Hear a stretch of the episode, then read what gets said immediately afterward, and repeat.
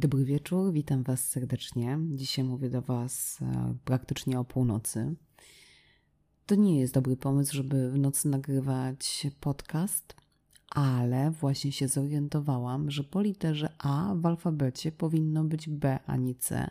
Przeskoczyłam więc jedną literę. Czuję się z tym źle i, i chyba mam ochotę po prostu porozmawiać o modzie, więc nadspodziewany, dodatkowy odcinek. Miał być po tygodniu, jest już dzisiaj.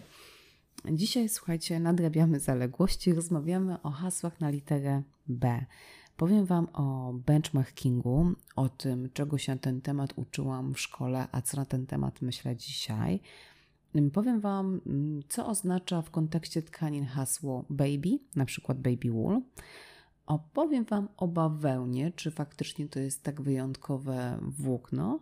I na końcu o bieliźnie. Słuchajcie, jaką bieliznę powinniśmy kupować? Więc cztery hasła, myślę, że 15 minut i, i będzie po wszystkim.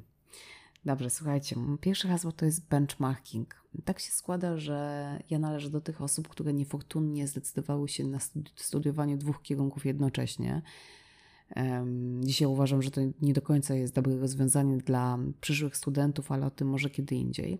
W każdym razie studiowałam e, ekonomię na jednym kierunku, a na drugim projektowanie odzieży.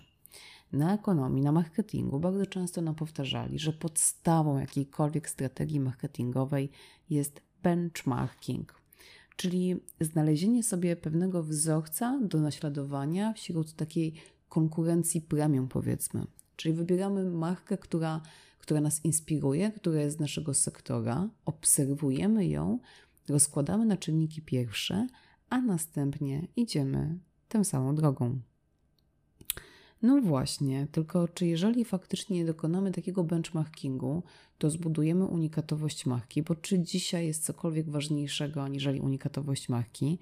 Dzisiaj, czyli w momencie, kiedy mamy praktycznie e, nadpodaż wszystkiego, kiedy tak łatwo założyć markę, praktycznie nie ma żadnych barier, to jedyne, co nas może wyróżnić, to naturalność, unikatowość, coś, co świadczy o nas w taki sposób wiarygodny, autentyczny.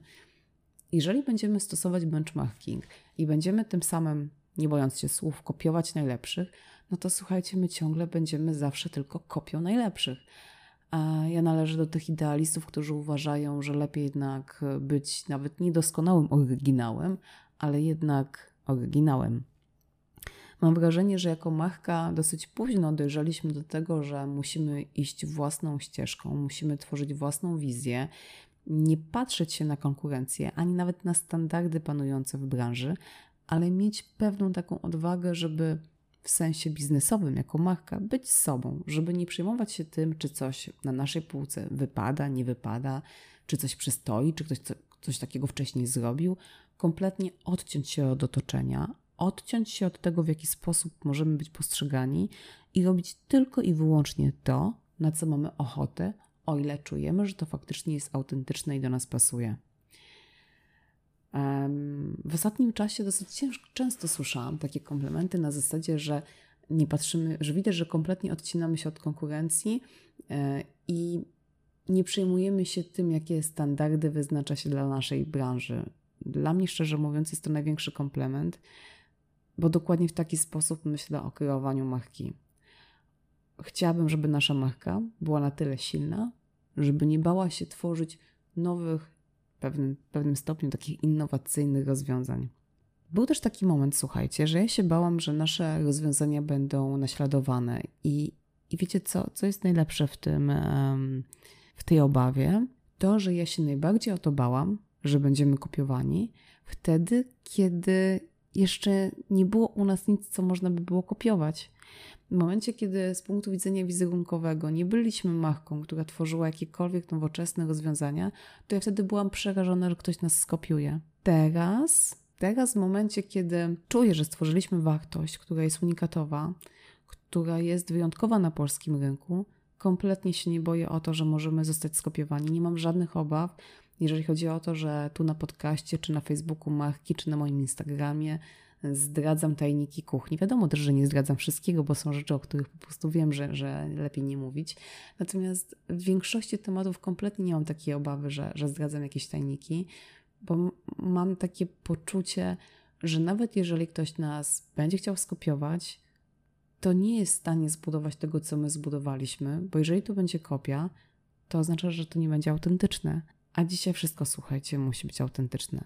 Zresztą, czy jest większy komplement aniżeli kopiowanie? Czy jest większe słowo uznania, aniżeli to, że kogoś kopiujemy? Jakiś czas temu rozmawiałam e, z konstruktorem z pewnej firmy odzieżowej i zapytałam się, czemu ta firma odzieżowa, słuchajcie, kompletnie nieznana na polskim rynku, e, czemu nie pokazuje na stronie internetowej najnowszej kolekcji? I ten konstruktor stwierdził, że to dlatego, że właściciele obawiają się, że zostaną skopiowani. To słuchajcie, była marka niemalże z kategorii no name i ja bardzo szanuję wszystkie marki, które budują swoją tożsamość, ale pomyślałam sobie, że to jest dokładnie to, przez co ja kiedyś przechodziłam. Czyli taka, taka obawa, że ktoś mnie skopiuje, mimo że tak naprawdę jeszcze nie dojrzałam do tego, żeby, żebyśmy byli kopiowani. Nie wiem, co o tym myślicie, ale moim zdaniem to jest taki w jakim stopniu wyznacznik e, sukcesu. Jeżeli nie boimy się tego, że będziemy kopiowani, to trochę świadczy o naszej sile i o tym, że dojrzeliśmy do jakiejś takiej dojrzałości biznesowej. To może już nie będę mówiła o tej dojrzałości biznesowej, bo tutaj akurat e, będę pierwszą osobą, która sobie może wytknąć, że nie do końca mm, w dobrym stopniu może reprezentuje dojrzałość biznesową. E, I przejdźmy do takiego bardziej miękkiego tematu, jakim jest tkanina. Słuchajcie, baby. Co oznacza w przypadku tkaniny hasło baby? Na przykład baby wool, baby camel, baby alpaka. Określenie baby z grubsza oznacza to samo co virgin, czyli wełna dziewicza. Wełna dziewicza to nie tak, nie, nie tędy droga. Wełna dziewicza oznacza, że to jest wełna z pierwszej strzyży, czyli z pierwszego strzyżenia danej wełny. Co ciekawe, jeżeli na metce jest napisane wełna virgin albo wełna dziewicza, to nie oznacza, że 100% tej wełny pochodzi z pierwszej strzyży. To oznacza, że co najmniej 30% składu tej wełny to jest wełna właśnie z pierwszej strzyży. Dlaczego czasami używa się baby, czyli na przykład baby alpaka, baby cashmere, baby camel, a czasami używa się virgin, czyli na przykład virgin wool? To jest kwestia absolutnie zwyczajowa, bo generalnie te dwa hasła, baby i virgin, oznaczają dokładnie to samo. Jak już jesteśmy w tkaninach, to przejdziemy do bawełny i słuchajcie, o bawełnie mówi się ogólnie bardzo dobrze. Powiedziałabym, że bawełna ma doskonały PR. Tymczasem w kontekście bawełen takich wykorzystywanych w dzianinie, czyli na przykład w t-shirtach, to od strony technicznej muszę powiedzieć, że jest tylko jedno, może dwa włókna tańsze od bawełny. To jest akryl i poliester. Nawet poliamid czy wiskoza są droższe od bawełny. Mówię o bawełnie dzianinowej. Bawełna jest bardzo tanim włóknem i bardzo często my lubimy pewne rzeczy tak um, upraszczać, schematyzować, poczujemy się dzięki temu pewnie. Ja też tak mam, że wiele tematów lubię sobie usystematyzować, uprościć. Robię to z pełną świadomością, bo wiem, że gdybym doprowadzała Pełne, pewne tematy w swoim pełnym skomplikowaniu i pełnej złożoności, to bym nie wyznała się z niektórych tematów. I pewnie też tak jest właśnie z tkaninami. Lubimy to sobie uprościć i uznać, że jeżeli jest bawełna, to to jest dobra jakość, a jak jest poliamid, to to jest zła jakość. Tymczasem jest e, w przypadku dzianin dokładnie odwrotnie. Bawełna dzianinowa jest co do zasady, albo w zdecydowanej większości jakością naprawdę słabą. Bardzo się wypycha, wyciąga, e, że szybko traci połysk, ma bardzo dużo minusów, wygląda na bardzo tanie włókno. Tymczasem poliamid jest włóknem droższym od bawełny, który na przykład w mieszance z bawełną działa zdecydowanie in plus na, taką, na taki skład. Czyli jeżeli na przykład połączycie bawełnę z poliamidem, to uzyskana tkanina po pierwsze łatwiej się ją prasuje, mniej się gniecie, ma ładniejszy połysk i jest trwalsza. Jeżeli wybieracie bawełnę i widzicie, że w domieszce jest poliamid, to kompletnie się tym nie przejmujcie. To nie jest wada, to jest nawet zaleta. Troszkę inaczej wygląda sprawa z tkaninami. W przypadku tkaniny bawełnianej to faktycznie nie, nie, nie, mogę tego samego powtórzyć o tkaninach bawełnianych. To jest ta różnica, że bawełna w dzianinie prawie zawsze jest złej jakości i naprawdę trzeba włożyć bardzo dużo czasu, żeby konfekcjonowanie t-shirtu cianinowego było takie, żeby potem on na przykład się na szwach nie skręcał. Dlatego na przykład niektóre t-shirty kosztują 20 zł, a inne 350, bo to jest kwestia czasu. Jeżeli chcemy w dobry sposób konfekcjonować t-shirt bawełniany, to taka bawełna musi kilka godzin leżeć niedotykana na krojowni, na, na, stole e, do krojenia, co standardowo w dużych sieciówkach się zdarzyć nie może, no bo nic nie może czekać, nie może być przestoju na produkcji. I właśnie za ten czas, za to relaksowanie bawełny potem w cenie t-shirtu płacimy, ale dzięki temu ta bawełna się nie skosuje. To tyle o bawełnach, ale teraz tak, jeżeli na przykład mamy ten biały t-shirt, to zastanówmy się, jaką bieliznę założyć do takiego białego t-shirtu. Białą czy cielistą? Podejrzewam, że większość z Was e, doskonale wie, że do białej bluzki bawełnianej czy do białej, e, białego t-shirtu zakładamy zawsze cielistą bieliznę. Na przykład, jeżeli mm, wybieracie biały garnitur leniany, który jest nieco transparentny, to do takiego garnituru zakładacie cielistą bieliznę, nie białą. Jeżeli założycie białą bieliznę pod biały garnitur, to ta podwójna biel spowoduje, że w tym pasie, powiedzmy, na wysokości e, biustu, biel będzie zdecydowanie bardziej nasycona i będziecie ściągały uwagę odbiorców właśnie na swój biust, który będzie jakby e, miał sobie podwójny walor bieli. Natomiast jeżeli założycie bieliznę cielistą, to ta cielista bielizna pięknie sklei się z waszym ciałem i dzięki temu nie będzie się odznaczała bielizna na białej koszuli na przykład. Także unikajcie białej bielizny. Co do zasady cielista jest zdecydowanie lepsza. Tak samo ogólnie zachęcałabym do tego, żeby unikać mocnej kolorowej bielizny, a stawiać tylko na taką cielistą, aby w kolorach bazowych, najlepiej pasujących do odzieży, którą najczęściej nosimy.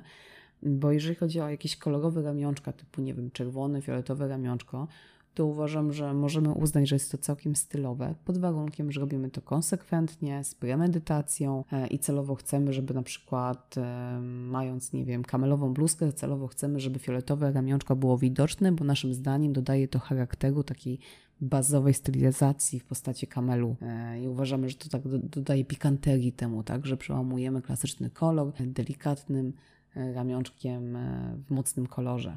Natomiast jeżeli to jest tak, że kupujemy sobie kolorową bieliznę, ale potem losowo ją zakładamy i spod zielonej bluzki będzie wyzierało fioletowe ramionczko, to to jest no to to jest bez sensu. To w takim razie lepiej zrezygnować z takich intensywnych biustonoszy i stawiać tylko i wyłącznie na bazowe i na cieliste i tego się trzymać. Podobnie zresztą moim zdaniem jest z ramionczkami e, silikonowymi. I w momencie, kiedy kupujemy sukienkę, która wymaga jednak bardotki albo stanika z ramionczkami silikonowymi, to gorąco Was zachęcam, żebyście jednak postawili na e, bardotkę. W moim odczuciu nie ma rzeczy mniej stylowej niż silikonowe ramionczka. Ja osobiście wolałabym już nawet założyć stanik z pięknym e, ramionczkiem, takim zdecydowanie dekoracyjnym, aniżeli żeby wprowadzać stanik z ramionczkiem silikonowym. Bo to jest taka sytuacja, że mm, to jest tak jak z szeptem, wiecie? Z tym ramionczkiem silikonowym to jest tak jak z szeptem. Czyli w momencie, kiedy jesteście w towarzystwie i zaczynacie szeptać, to nagle wszyscy chcą słuchać, co wy tam szepczecie. Nagle to, co mówicie, staje się dużo bardziej interesujące. I tak właśnie działa silikonowe ramionczko. To jest jak taki szept, i nagle wszyscy się na to patrzą, bo widzą, że to chciałaś ukryć, no ale się nie udało peszek. Także no nie, nie zachęcam do tego. Teraz to wszystko. Wszystko, co miałam do powiedzenia. Kolejny, kolejny odcinek, odcinek już teraz naprawdę za tydzień i wracamy na normalne tory alfabetu i za tydzień opowiem Wam o kilku hasłach na literę D. Tymczasem do zobaczenia, a jak dla mnie to nawet dobrej nocy. Pozdrawiam.